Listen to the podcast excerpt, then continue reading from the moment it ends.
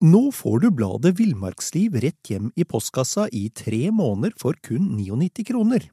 I Villmarksliv kan du lese om norsk natur, ærlige tester av klær og utstyr, og mange gode turtips skrevet av erfarne friluftsfolk, fiskere og jegere. Send SMS VILL36 til 2205 og motta bladet allerede neste uke. Lev livet villere med bladet Villmarksliv. There's never been a faster or easier way to start your weight loss journey than with PlushCare.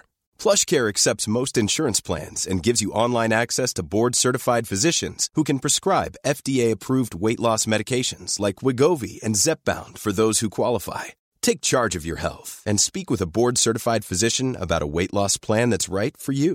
Get started today at plushcare.com slash weight loss. That's plushcare.com slash weight loss. plushcare.com slash weight loss. Velkommen til podkasten Villmarksliv. Jeg heter Knut Brevik og er redaktør i Villmarksliv, jakt og alt om fiske. Og jeg heter Dag Kjelsås og var redaktør før deg, Knut. Og i dag så skal vi snakke med Lars Nilsen. Lars, du er regissør og fotografen bak NRK-serien På fisketur med Bård og Lars. Du står bak VGTV-serien Lars og Lars. Og du har skrevet boka Ørret, som for øvrig er det beste jeg har lest om ørret og ørretfiske siden, siden Jakob Sømmes bok om samme art. Vi skal snakke litt mer om, om Du glemte at jeg skriver mange artikler for deg òg. Ja, det gjør du. du. Du er selvfølgelig du er en flittig bidragsyter i alt om fiske. Hadde det ikke vært for deg, så hadde sannsynligvis den boka ikke blitt noe av. Ja, men Det er hyggelig å høre. For da, for da hadde du ikke overlevd, mener du? Nei, men det ga Ja, det er en ting. Han betaler så bra. Det vet ikke du får, Hva men eh, så, Står han over deg? I- Nei, jeg, jeg, jeg, jeg er helt underdanig. Ok. Ja. Nei, men bare, for, for å si noe om det, så er det noe med at, eh, at, at ting kommer jo til fordi man dumper borti ting. Og eh, i og med at jeg har skrevet, jeg har skrevet ganske mange artikler opp gjennom årene, eh, ja, primært for dere, da, og da er det noe med at ting kommer, så tenker du sånn etter hvert at dette vil jeg, kan enten samles, eller det vil du gjøre mer av. Eh, Eller finne ut mer av. Så det, ja, hva er det sagt? Vær så god. Eller takk. Ja, men det, det, er, det er bra. Jo, det, det jeg også hadde, hadde tenkt å si, er at um, mens alle dine jevnaldrende på, på 70-tallet var opptatt av eh, fotballspilleren George Best og fotball Ikke hadde- jeg, Ikke, ikke ikke, du, Dag, men det, det, det regner jeg ikke med heller. Så var i hvert fall din store, store helt en helt annen. eh, Og det skal vi komme litt tilbake til siden. Men, men aller, først, eh, aller først, Lars. Hva, hva var det som gikk galt, eller rettere sagt, hva var det som trigga den altoppslukende fiskeinteressen din? Altså, eh, da, jeg var, eh, da jeg var ung, kan man vel si, eh, da jeg var liten, og det tror jeg var ikke generelt for meg, men jeg hadde inntrykk av at hvis du var gutt og bodde i nærheten av en, et vann eller en elv, så var det alltid Altså, det å ikke fiske Det var alle fiska på et eller annet nivå, eller gjerne da med mark og dupp. Og, altså, det å dra og fiske, det var noe gutter holdt på med eh, mye før. Eh, nå er det ikke sånn. Men eh, så kommer du da til et sånt brytningspunkt. Da. Det første brytningspunktet er gjerne eh, når du blir sånn 12-13 år og begynner på ungdomsskolen og sånn. Da er det noen som fortsetter, og de aller, aller fleste eh, skreller av. Og det er jo sannsynligvis veldig sunt, da. Men vi som ble igjen, vi ble igjen av et par ting. Og det ene var at kompisen min da fikk ei gjedde på fem kilo Oi. på en sånn rød og hvit wobbler. En hilo? Nei, en cellodip. Ja, okay. Altså Det var videreutføringa av den der hiloen. Og det var noe med at når du har fiska mort og abbor på maks 250-300 gram, og når du begynner med en sånn, og du får Plutselig så får du gjedde på sånn Ja, jeg er fem og en halv, tok jeg kolbotntjernet. Ja. Da, det er litt som, som, som laksefiskerne beskriver. Da skjer det noe med deg, sier de da. Du kjenner det inni sjelen. Jo, men det er noe med at da Ja, også da Og så er det en, en konkret hendelse eh, ved siden av en viss arvelig belastning, og det er det at eh, jeg og kompisen min, vi, vi dro da inn Vi hadde begynt å lese sånne villmarksbøker om folk som dro inn i villmarken og var der og opplevde store ting. Og så hadde vi hørt rykter om at inne i Østmarka så var det satt ut ørret. Og så fikk vi overtalt uh, fattern til å kjøre oss inn til Grønmo søppelfyrplass, og så skulle hun komme der og hente oss sånn akkurat idet det var blitt mørkt. da. Altså, Ja. kunne si at de hadde vært der eh, ja, og var der litt utover natta, liksom. Og så dro vi da inn til det innerste av eh, fem eh, sånne grupper på fem mann. Og det innerste er jo alltid best. Det, Ja, ja. det, ikke sant? Eh, og, og kom dit og se at her er jo vaking. Og da Altså lang historie kort. Vi får 14 ørreter, regnbueørreter. Alle er 29-30 cm. Eh, vi kverker absolutt alle, legger de ut på en sånn eh, på, liderparad, og da kommer oppsynsmannen. Og, og vi hadde ikke fiskekort. Vi fiska med spinner i et vann hvor det bare var lov å fiske med flue. Eh, og vi hadde tatt livet av en femdel av de ørretene han satte ut i vannet ett år i, forveien, som var, var autonombehandla. Så han var rimelig forbanna. Dårlig stemning. Ja, men så, hvor lenge kan du være sur på to 13 års gamle gutter som har gjort sitt livs skup, liksom? Og han, det som skjedde var at vi ble med da i denne OFA-gjengen som han styrte. Ja. Og det, så han har jeg veldig, veldig mye å takke da, fordi han var jo en utrolig fyr som hadde like dilla som det jeg har hatt siden. Men Lars, eh, oppriktig talt, du har vært tatt for tjuvfiske seinere enn det? Kjenner jeg ikke til. Jeg har tjuvfiska, men jeg har ikke vært tatt for det. Mariansvann. Prøvde ikke du det Maridalsvannet? Nei, jo, nei, jeg bare filma det. Ok, ok, ja ja, vi pleier å si det. Jo, men altså, jeg har jo ikke fått noe bot. eh, Nei. Men de jeg filma, fikk jo masse bøter. Da. Så Men ok, um, 12-13, og, og, og hvordan var eh, holdt jeg på å si, hvordan var reisen din sånn i forhold til um, utstyr, og hva var det, hva var det du starta med? Jeg må også si at foreldrene mine er fra Vesterålen, og hver, hver sommer så reiste vi opp dit fra Oslo. Ja. eh, tre dager i Anglia først, og så en kvartin etterpå. Grusveier fra Trondheim opp. Og eh, altså Hadde det vært i dag, så tror jeg, tror jeg jeg, jeg kunne anmeldt de til barne, for barnemishandling. For jeg var altså så bilsjuk at det var helt Jeg la meg i bilen før vi skulle Og det var helt forferdelig. Ja, men da vi da kom opp dit, da, Ja. da var jo vi der i tre uker. Og, og bestefaren min, han var jo en Jeg tror det er han jeg har det fra egentlig, da. Hvor jeg bla Han var ekstrem. Han var litt sånn type fisker på havet-greie. Men eh, Og yrkesfisker, altså. yrkesfisker og småbonde, sånn som de var. eh. Ja, ja. Eh, og, og, og da dro vi opp, og der var det jo liksom fiske Og der var det mye fisk, så det ble jo da Men eh, Nei, altså utstyrsmessig Den har jeg ennå. En sånn Abumatic Ikke 110, men det kom en sånn Abumatic 505 eller sånt, noe som var under Som så ut som en haspelsnelle. Ja, ja. Ja, ja. Og så en sånn Wonderwood uh, Tjøstheim uh, ja. hvit glassgiverslang. Men det var da uh, Dette var da før jeg begynte å fiske med flue. Ja. Og, og, og når begynte du å fiske med flue? Ah, Det begynte jeg med da jeg ble kjent med den gjengen i Østmarka, for der var det bare lov å fiske med flue, så da ble jeg tvunget til å fiske med flue. Ja. Eller det vil si, du kunne bruke mark, men du måtte ha det på fluestang og snelle. Altså, du måtte måtte ja, ja, ja. En eller annen merkelig sånn hybrid.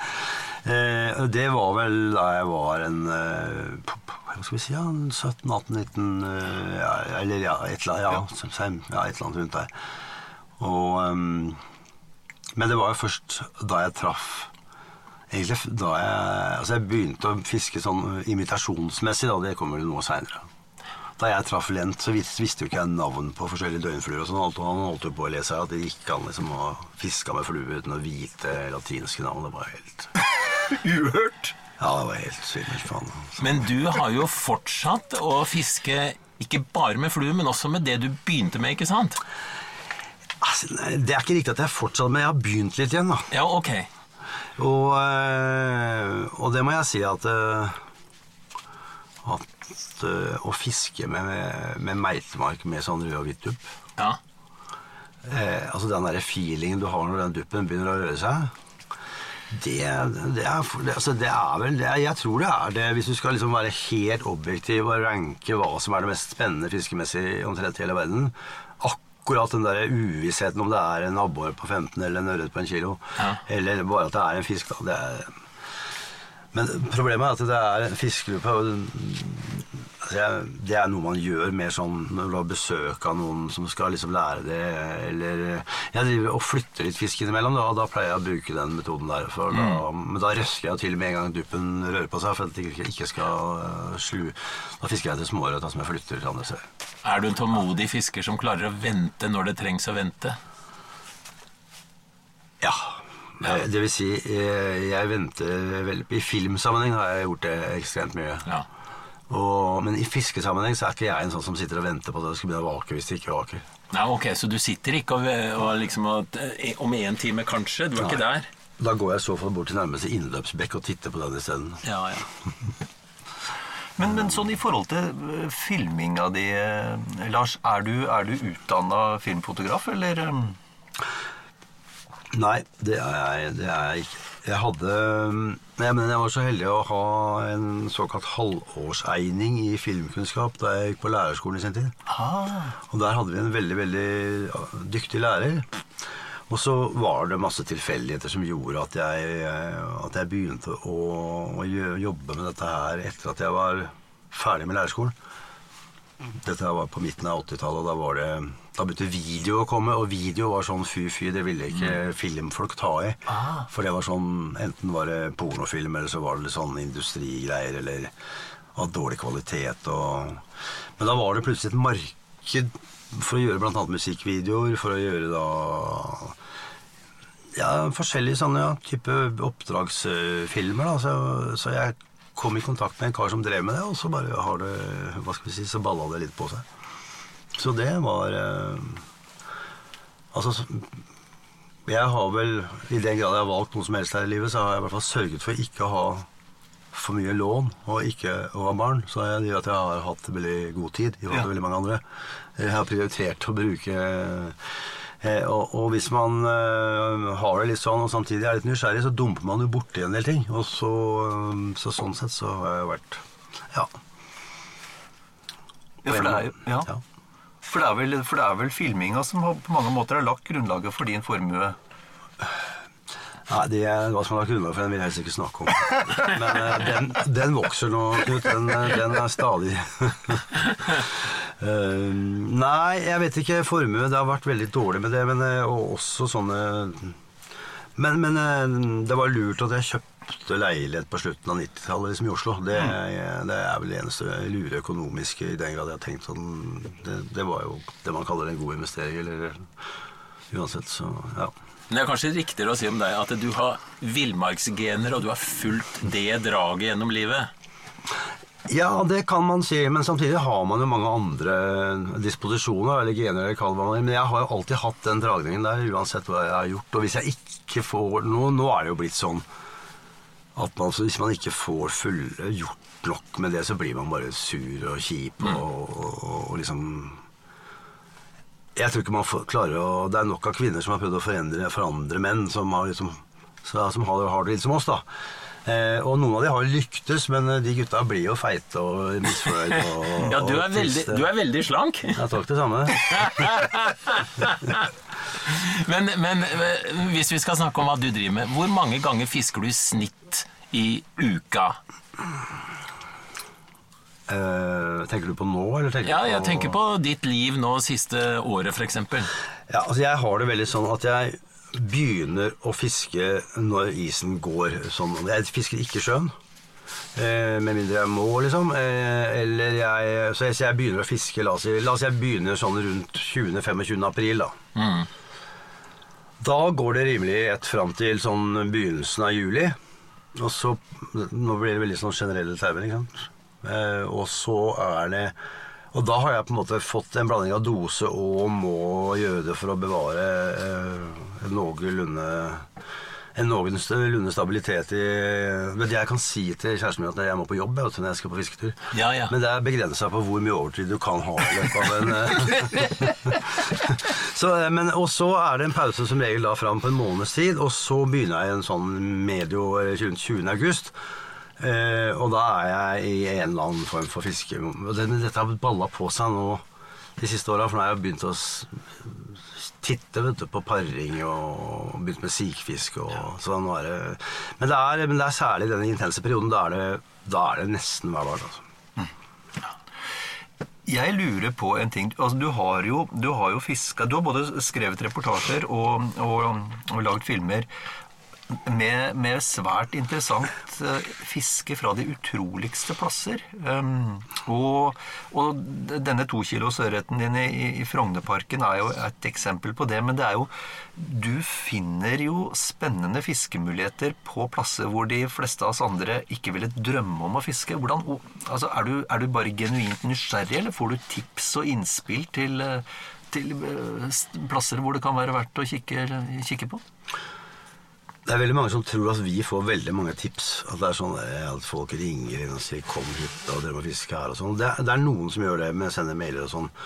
Men alle som, er, eh, som fisker en del og har et uh, jævla godt sted altså det, det, De vet jo det at det dummeste du kan gjøre, er å ringe Lars eller meg og be oss komme og lage enten en artikkel derfra eller en reportasje, for ting blir blåst uansett hvis det får oppmerksomhetens da. Mm. Og jeg har jo personlig vært med på å ødelegge, eller i hvert fall ødelegge, jo, jeg vil nesten si det, i hvert fall for noen år, eh, mange Ja, egentlig ganske mange steder. Ja. Eh, ødelegge i den forstand at noen har følt at dette har vært deres, mm. og, og, så kommer det inn en sånn busemann og flasher hele greien fra offentligheten. Og, um, eh, men på den annen side så har jeg vært med å lage, lage noen steder, så jeg har ikke dårlig samvittighet. For, men sånn er det jo alltid.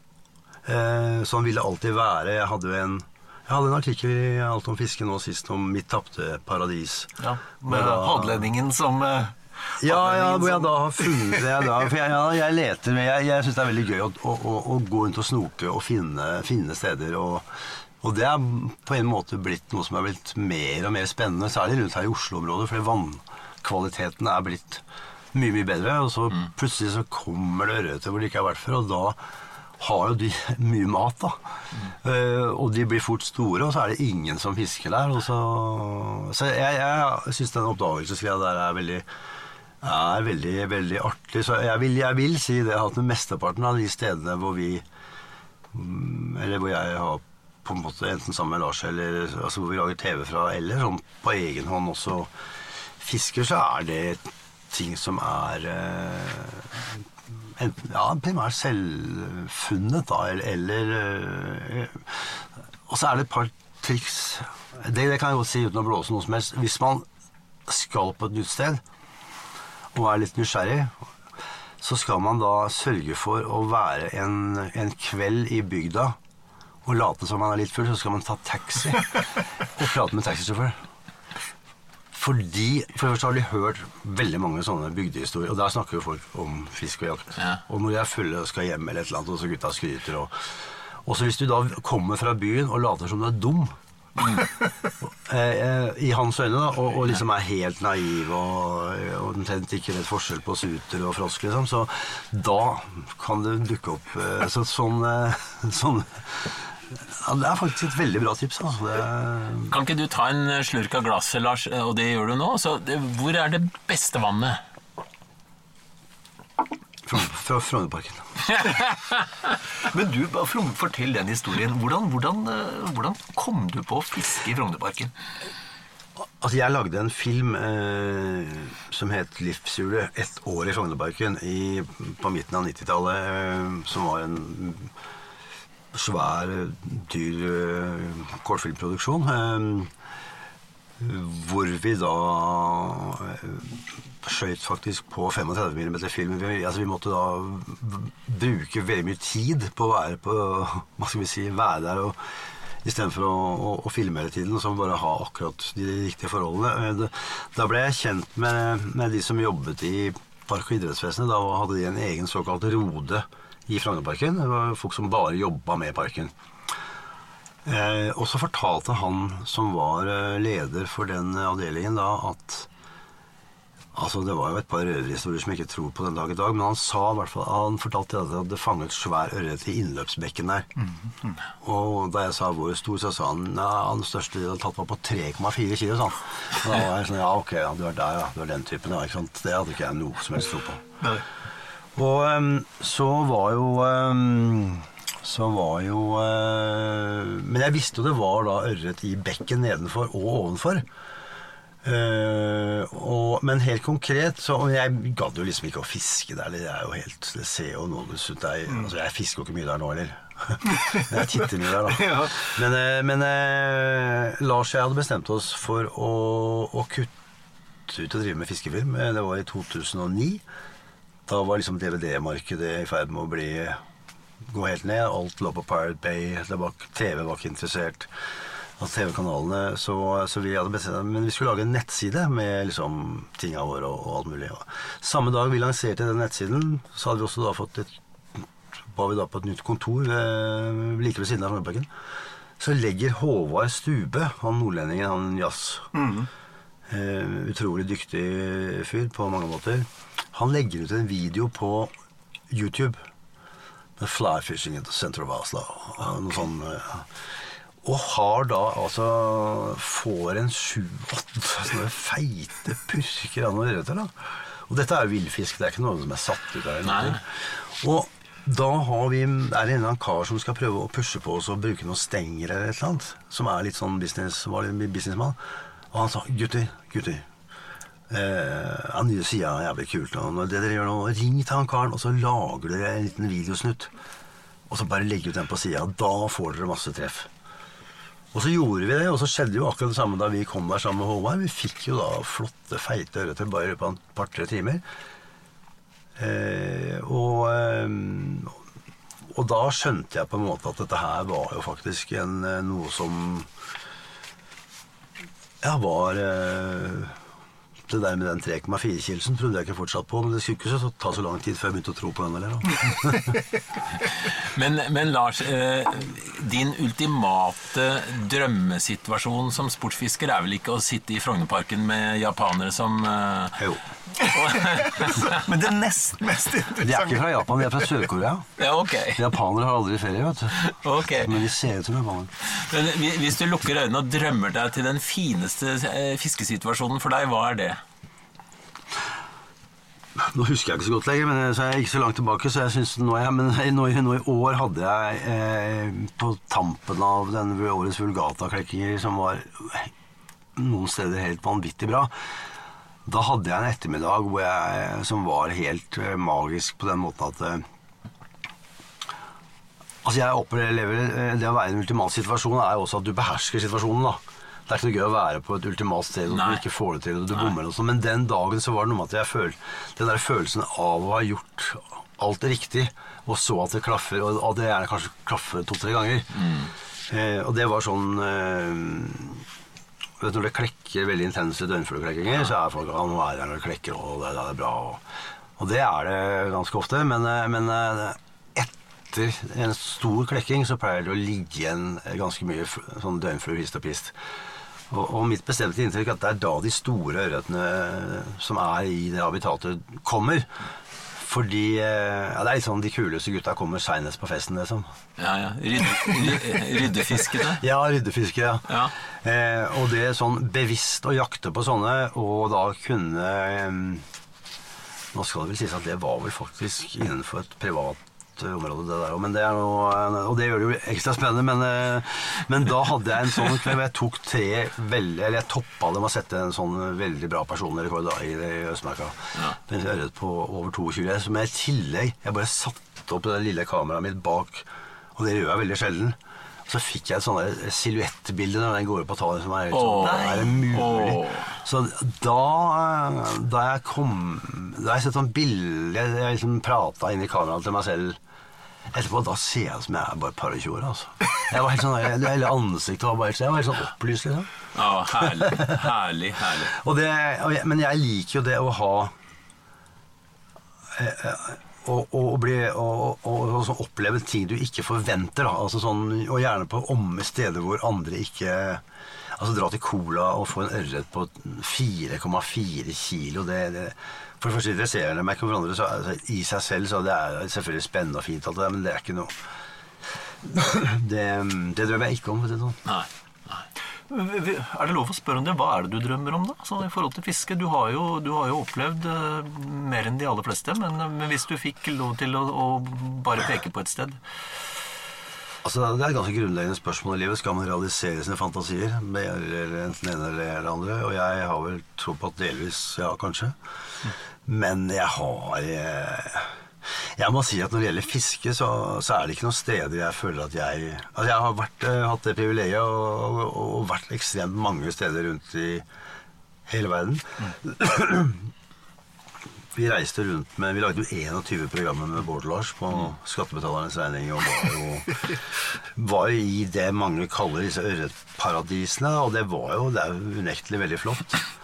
Eh, Men for meg får de tingene med en mer større og større bismak fordi du får den derre altså For meg er ikke ikke det at fiske nødvendigvis skal komme seg til villmarka, men det skal jo den dagen det blir et pengespørsmål og ikke et spørsmål om opplevelse. Eh, altså, Det ligger en kontrast i de tinga, syns jeg. da. Eh, ikke for alle, men eh, jeg opplever det sånn. Og jeg liker heller ikke å stå for eksempel, og fiske på fisker som, som har vært på krok mange ganger, og bak den der steinen der så står Petter, og han veier 4,2, i år veide den 2,8. Liksom. Jeg syns det blir helt Donald Duck. Altså. Jeg har ingen glede av det. Så Akkurat nå om dagen så drømmer jeg om at hundesiken skal begynne å gå på, på strømmende vann. Da, fordi da Da blir det litt, eh, litt mer fart i hovinga, liksom. Bare for å Ja. switche temaet. Ja. Nei, men Du er vel en type som lever der og da, og det, og det blir også dumt å sammenligne hva var aller best. Og, Jeg syns det er vanskelig, for det er mange ting som er bra, men det er bra på forskjellige måter. Og jeg, jeg syns så jævlig mye med Jeg er vel Jeg har vel litt for mye dilla på Eller noen mennesker er, som jeg opplever, er født med stor interesse for ting med finner da, som lever under vann. Og det Eller om det er født sånn eller blitt sånn, det må nå sies. Men nå er jeg så gammel, nå må jeg bare kjenne at nå er det sånn det er. liksom. Så jeg, jeg har heldigvis slutta å stille spørsmålet der med faen så mye tid du bruker på dette tullet her. altså. For det er jo unektelig sannheten, og man bruker jo utrolig mye tid. Men så tenker jeg så har du brukt vanvittig mye tid på, på fiske, og du har, du har skrevet mye, ikke minst for oss. Og så, og så etter hvert så gir det seg utslag i eh, så mange ting, men også en, sånn som denne boka. Uh, som jo er, eh, etter min ringe oppfatning, helt fremragende. Et par ting jeg har lyst til å snakke om derfra. Uh, På et sted i boka så, så nevner du et par ørreter som ble tatt på garn nord for Lillehammer Nå får du bladet Villmarksliv rett hjem i postkassa i tre måneder for kun 99 kroner. I Villmarksliv kan du lese om norsk natur, ærlige tester av klær og utstyr, og mange gode turtips skrevet av erfarne friluftsfolk, fiskere og jegere. Send SMS VILL36 til 2205 og motta bladet allerede neste uke. Lev livet villere med bladet Villmarksliv. Many of us have those stubborn pounds that seem impossible to lose, no matter how good we eat or how hard we work out. My solution is PlushCare. PlushCare is a leading telehealth provider with doctors who are there for you day and night to partner with you in your weight loss journey. They can prescribe FDA-approved weight loss medications like Wagovi and Zepbound for those who qualify. Plus, they accept most insurance plans. To get started, visit plushcare.com slash weight loss. That's plushcare.com slash weight loss. 80. Ene på 22 og en på 23 kilo. Norgesrekorden fra, fra nettopp Mjøsa er jo på, på 15 15,3. Hvor stor ørret tror du det fins i Norge? At i Jeg tror ikke det finnes så stor ørret i Mjøsa, kanskje, men at det i enkelte av disse store, andre storørretvannene, eksempelvis Bandak eh, Ja, la oss si eh, Det blir jo hypotetisk. Maridalsvannet, kanskje. 20.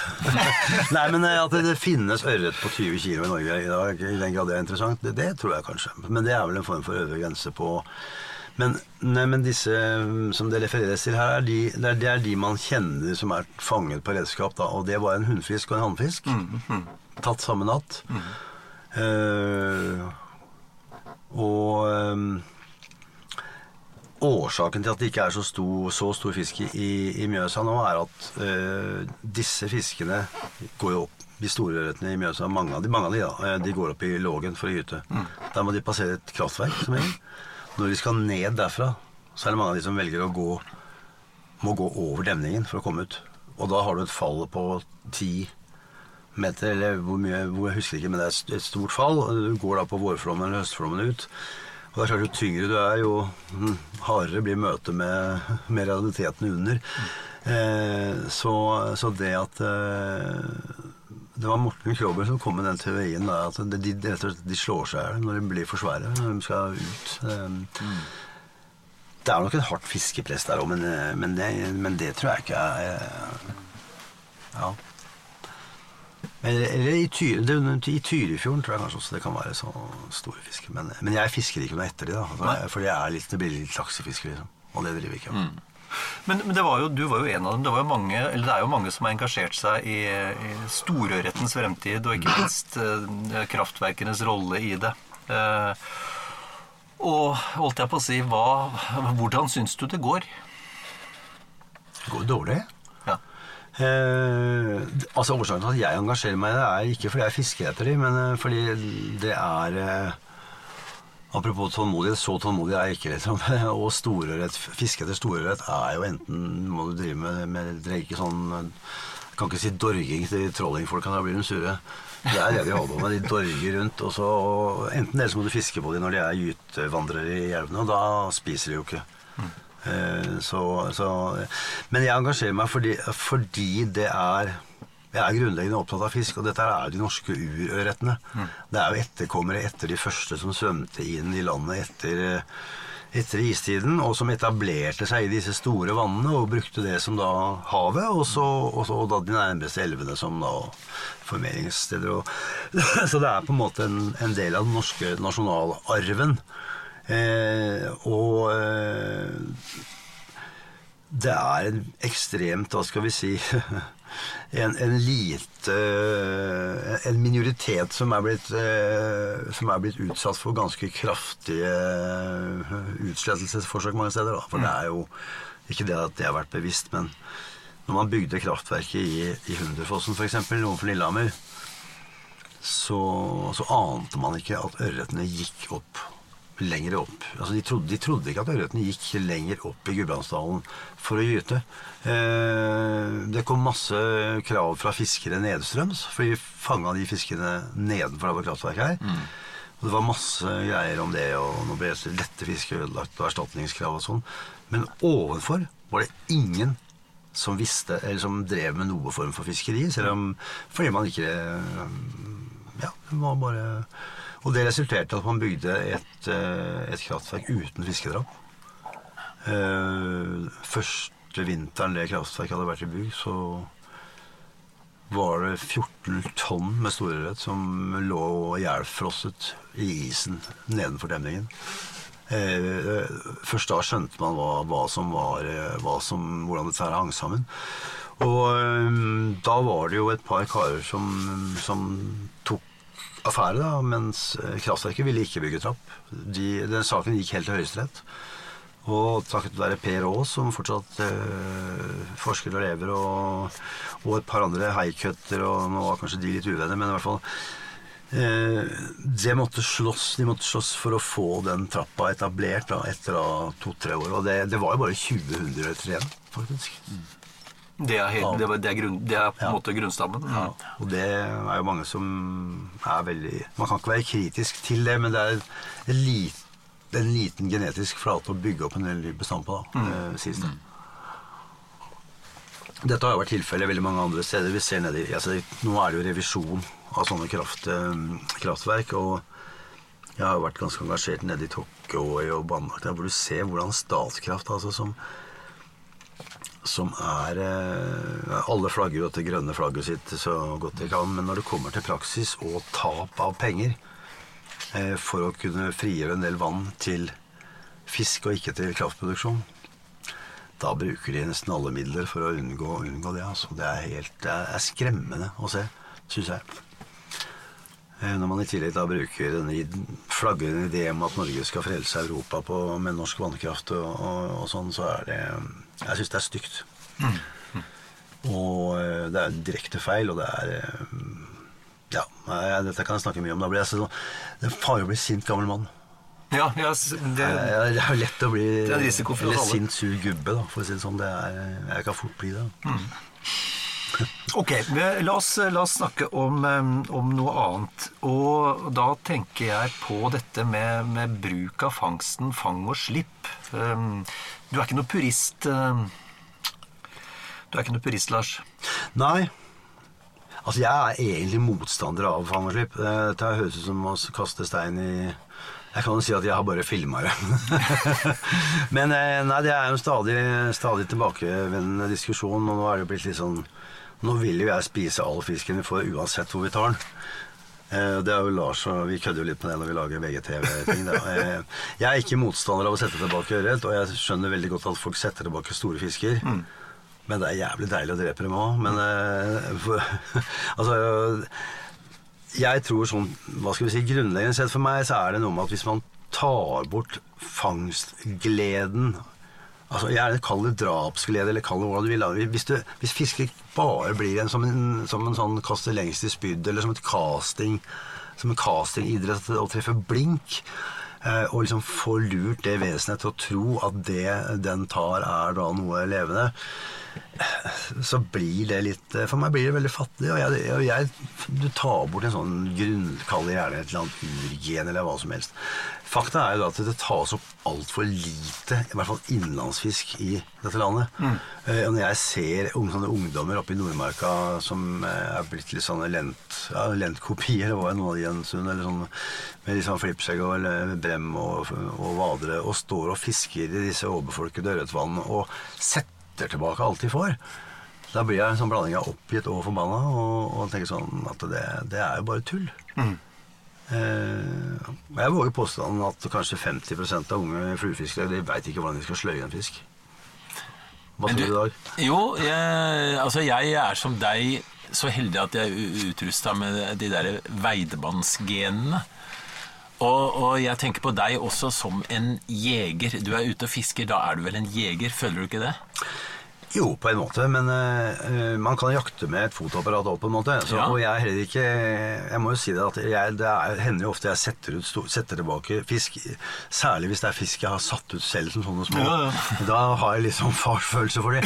Eller i, eller i områder hvor du primært drar inn for å ha Altså, jeg har jo sansen for fiskeopplevelsen i seg selv, men, men hvis du ikke har den Hvis du ikke vurderer det engang altså Hvis du ikke er sånn Å, fy faen, denne hadde ja, Jeg setter den tilbake.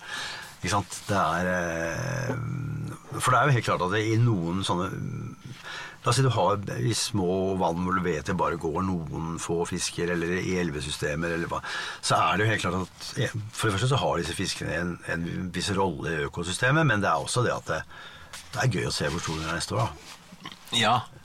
Jeg har fiska en fisk fem ganger jeg, i løpet av livet. eh, Men jeg knerta den til slutt, da. En gammel venn, rett og slett. ja. Men, men det, det er ett spørsmål. Altså, du syns kanskje det er dumt, noen syns det er dumt, men hvor, den største ørreten du har fått, hvor stor er den? 3,7 kilo. 3,7. Altså, men da regner jeg ikke med sånn drolle, trollefisk fra Mjøsa. Nei, nei, nei. nei. Jeg har fått to på 3,7 kilo. Ja. Pent, altså. Det er, det, det er verdt å leve for. Ja, men altså, jeg vil jo si at eh, du kan jo leve for mye, mye mindre altså, det med størrelse er jo, er jo, det er jo en, en relativ Men eh, du kan si særlig den ene som, jeg da tok et sånt vann hvor jeg det var en, Den var absurd stor i forhold til det vannet, og altså, det var en, en, hva skal vi si, en genuin opplevelse. da, I den første som var 3,7, der var jo ikke det noen det var en mulighet, liksom, i det vannet, andre vannet. Mm. Ja, det er i det vannet jeg skrev denne artikkelen om Det Ja. tapte paradiset. Ja.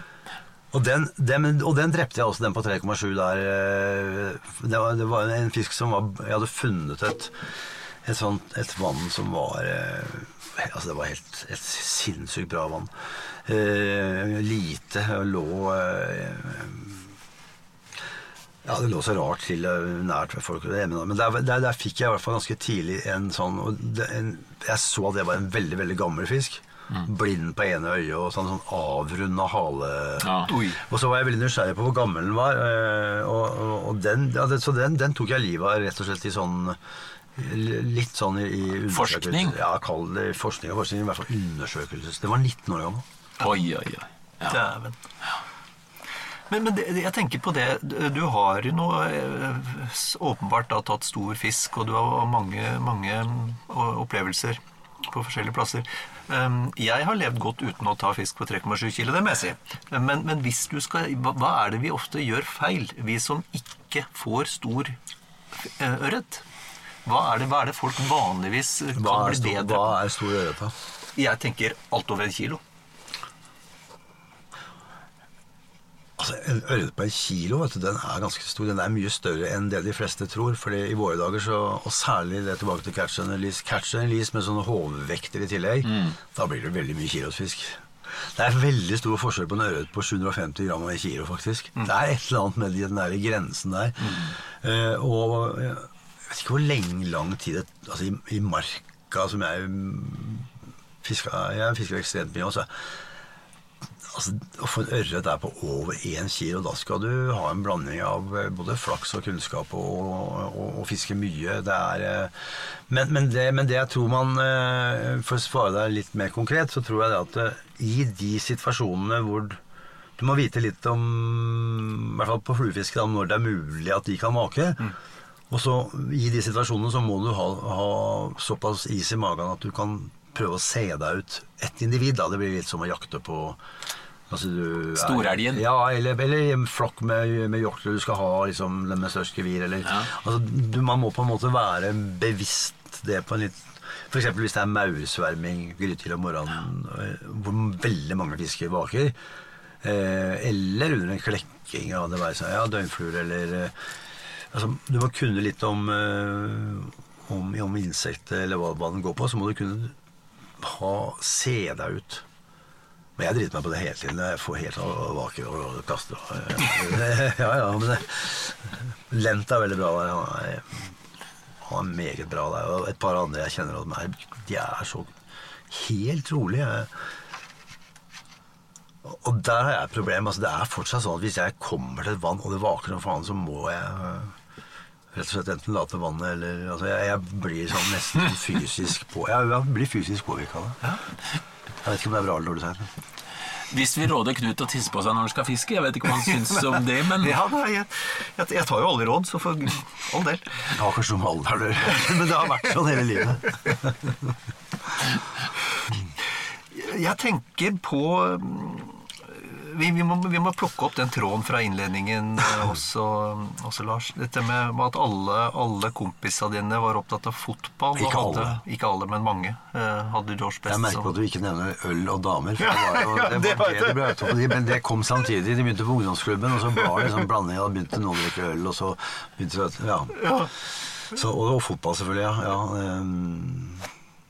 Jeg har vært venstreving på Hauketo, Hauketo guttelag. Altså. Og Det var såpass? Ja, ja, ja. ja, ja. Men i hvert fall Det var ingen eh, andre som ville ha den venstreving. Er liksom Jeg var sånn litt habil med venstrebeinet, så det var eh,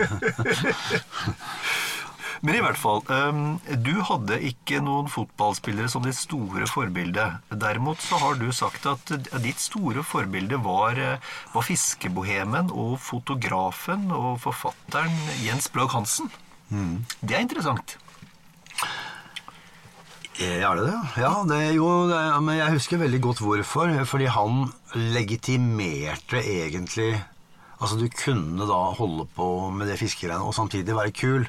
Altså, han var på mange måter en, en friker. Altså, han så ut som Og så var han ikke noe sånn lasefjær. Han, han så han så kul ut, da. Og man må huske på at dette var på begynnelsen på 70-tallet. Liksom, da var det jo ganske sånn hippie-inspirert.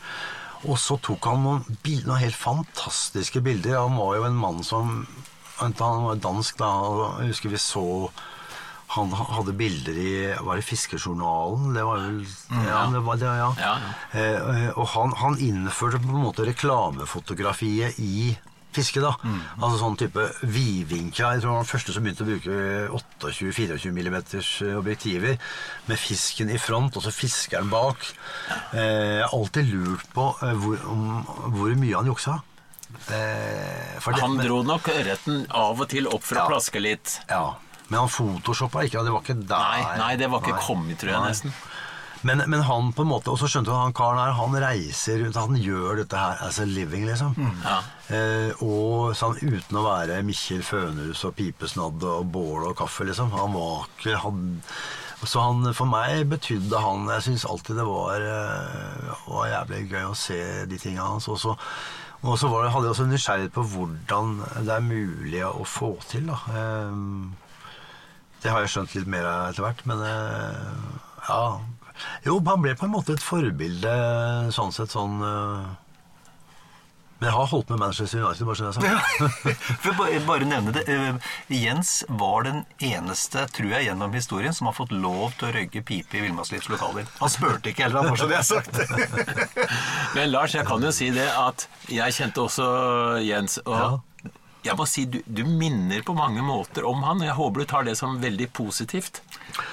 Ja, jeg eh, Jeg gjør det, altså. Ja. Eh, Nå er det riktignok gått en del år siden han var hipp, så jeg vet ikke helt om jeg eh, Jo. Men jeg, jeg driter for øvrig langt lang marsj. Men det er hyggelig å høre, høre du sier det. For det, det er men, Og det er ikke til å komme fra. Det er jo sånn, i hvert fall i en sånn fase i livet hvor du er Altså sånn man, Moren min sa til meg at jeg, at jeg var alltid så lett på virkelig, og det, det, det, og det tror jeg er en bra ting å være. Men det er en, en tidlig fase i livet hvor du på en måte Og det er viktig å ha noen at Det er noen mennesker som betyr mer enn andre for hvor du går, da, eller hva, det, hva du begynner med, hva du driver med. og eh, han var kanskje en som var med på å dra meg i den retningen det er blitt. Da. Så, ja. Ja, for, på, på, i, selv om det er to vidt forskjellige liv vi snakker om, så, så, så har vel egentlig ditt liv tatt litt samme retningen? Um, Nå kjenner ikke jeg, jeg altså han Plog uh, privat, så jeg vet ikke hvordan liv nei, jeg tenkte mer, mer på det profesjonelle. Ja, det har jo for så vidt det eh, at eh, nå, Ja, jeg har kanskje det. Men det er jo sånn, eh, det som slår meg, er hvordan enkelt, sånn enkelthendelser i livet altså Hadde ikke jeg vært på den samme festen som Lars Lent eh, og Bård Tufte Johansen i 95 den, før vi, den vinteren der, eller eh, for, eh, altså da Jo, kanskje det hadde skjedd allikevel, men, men det var da vi lagde ideen til eh, Altså, vi var på en Eller hvordan var det der? Det var, jo, jeg mener det var sånn. Eller i hvert fall sånn Våre, våre stier kryssa hverandre på et eller annet tidspunkt ganske Om de ikke kryssa hverandre helt, så den var i hvert fall veldig tett. eh, Og, og, og av det så kom det noe som Ja, som egentlig er eh, Som hadde stor betydning for hvor vi er nå. Det, ja. Men fiskere har jo en tendens til å møtes. De gutta som grunnla Vimasliv, de traff hverandre militære, de fleste av dem. Altså, det, det, det skjer ting, og plutselig så blir det veldig bra. Eller det blir jævlig dårlig. det, verste, det verste som fins Jeg hadde hatt sånne opplevelser to ganger. Hvor du går ved et sånt vann, hvor du, så du vet at og dette er det ingen Du tror du er den eneste som veit om det. Eller du og kompisen altså. Og så er det sånn, så går du litt og snoker, og så er det på en sti. Så kommer det en annen kar gående mot deg. Og det er, ingen kan på en måte snu eller gå til sida. Du bare skjønner at ok, vi, han der må jeg prate med. Og det er en fisker, det. Og, ingen har da eh, eh, og, Men de begge gangene det har skjedd med meg, har det faktisk gått veldig bra på den måten at vi er eh, Ja. Men, eh, men, men det er sånn eh, Det er eh, men, men jeg er enig i det. Fiskere har en tendens til å møtes, det er helt sant. Det er, men det er ikke alltid det blir noe av de møtene som avstedkommer noe mer enn at, det, at man skal Men det er sånn i våre dager så har alle ting lagra på mobiltelefonen. da. Så det er sånn du vipper opp med på denne her. Du veit ordet. Skal se hvor Du er ikke den typen som gjemmer deg bort så ingen skal skjønne at du har det samme hemmelige vannet og hvis, sånn, da. hvis du hadde sett det nye skiltet jeg har fått på bilen min, så hadde du skjønt at spørsmålet ditt er helt unødvendig. Hva står det der? Det jo egentlig helt uh, Altså, jeg, nå hadde du kan ha sånn personlig skilt. Ja, ja. Tre bokstaver relatert. Jeg, skulle, jeg fikk det på i går. Så VAK. Helt riktig. Og det skjønte vi. Vi satt i kø nedover Sørlandsken. Og så var, så var det eller, ja, sånn kjempekø, så du skjønte at her er det Og det var helt Hvorfor er det kø nå, liksom? Det var helt urealistisk. Sånn. Og så begynte jeg å se, og så er det jo sånne personlige skilt. Og så var det tre-fire biler som kom med noen sånne og så begynte kjæresten min altså, å tulle. Ja, hva, skulle, hva skulle vi hatt da? Hvis jeg, hva ville du hatt hvis du fikk veldig fritt? Eller, så begynte jeg bare å titte på det.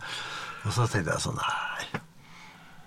Hva, hva kan være kult? Men det må være tatt. Så kan du gå inn på staden altså på bilregisteret og, og se da, hva som er ledig. Og det var det ledige, og så bare ringte jeg. Ja, da tar jeg. Ja, ja. Det kan bestilling. Jeg tenkte jo ikke på at det kosta formuen, men eh, men du kan velge, da. Du har de andre gamle skiltene i bilen, så jeg kan, Ja. jeg kan sette på de hvis jeg er på hva skal vi si, steder som er Hvor det ikke er bra, ja. Men jeg har kjørt langt unna, ja. For at folk ikke skal kjenne igjen bilen. Ja, Bilen er fortsatt ubølka bak, eller? Nei. Nei. Helt avslutningsvis, eh, Lars. Hva, hva er det Nå er vi inne i en, en årstid hvor, hvor fiskere flest ser fram mot neste sesong. Hva er det du gleder deg mest til eh, i 2020?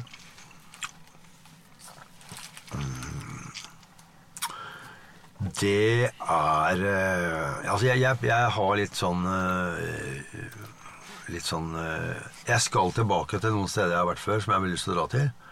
Og så har jeg alltid sånn greie at jeg skal oppleve en ny ting. Det er, dette er bare sånn eh, Og det jeg faktisk har lyst til å prøve å gjøre seriøst i år, er å fiske havabbor med flue. For det inni, inni indre Oslofjord her. For det, det var vi gjorde litt nå VGT, i forbindelse med VGTV og sånn. Det syns jeg er veldig moro. Og eh, så veldig moro ut.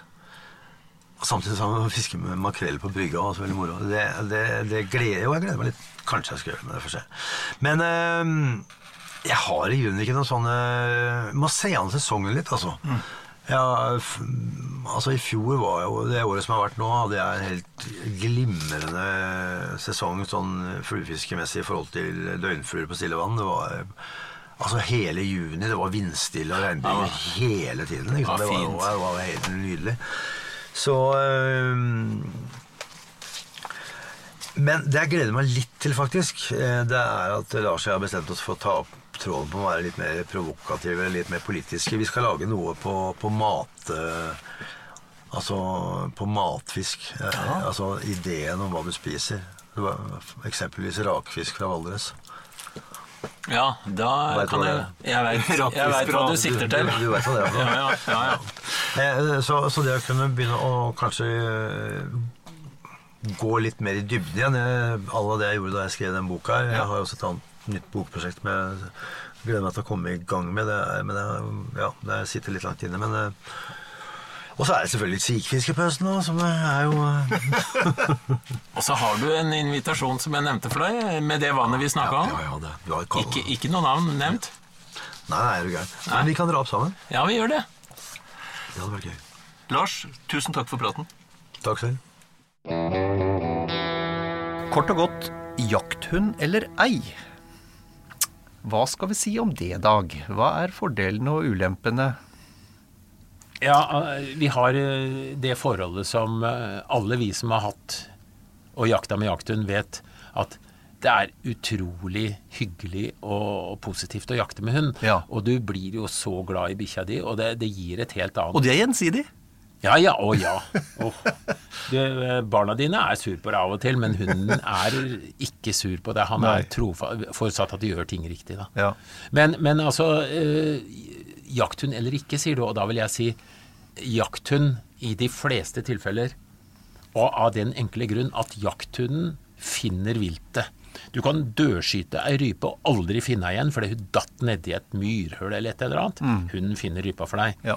Du kan skyte en hjort dødelig med et godt skudd.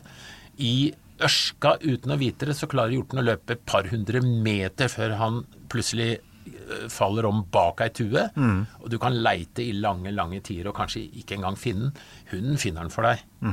Det er en av de store fordelene med hund. Ja. Men så er det også det eh, elementet som vi skal ta med, syns jeg, er at når du har hund, så går du glipp av sjanser av og til, fordi du nettopp tar hensyn til hunden. Enten er i, fordi du venter på den rette situasjonen, eller du må bruke en høst for å, for å, for å eh, gå med en elghund og, og, og, gå suksessivt nærmere og nærmere innpå elg, fordi den elghunden kanskje har blitt sparka. Altså, det finnes, det finnes en del forhold her som, eh, som tilsier at man faktisk er, kan være mer effektiv også uten hund. Det har du helt rett i. Men uh, det jeg nevnte med at du finner igjen viltet, ja. og det med trivsel uh, med hund, ja.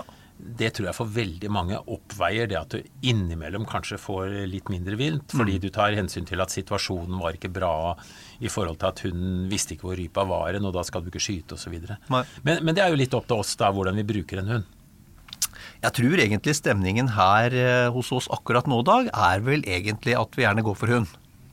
Eh, vi har eh, jakta så mye med hund begge, Knut, at vi vet hvor utrolig bra det er.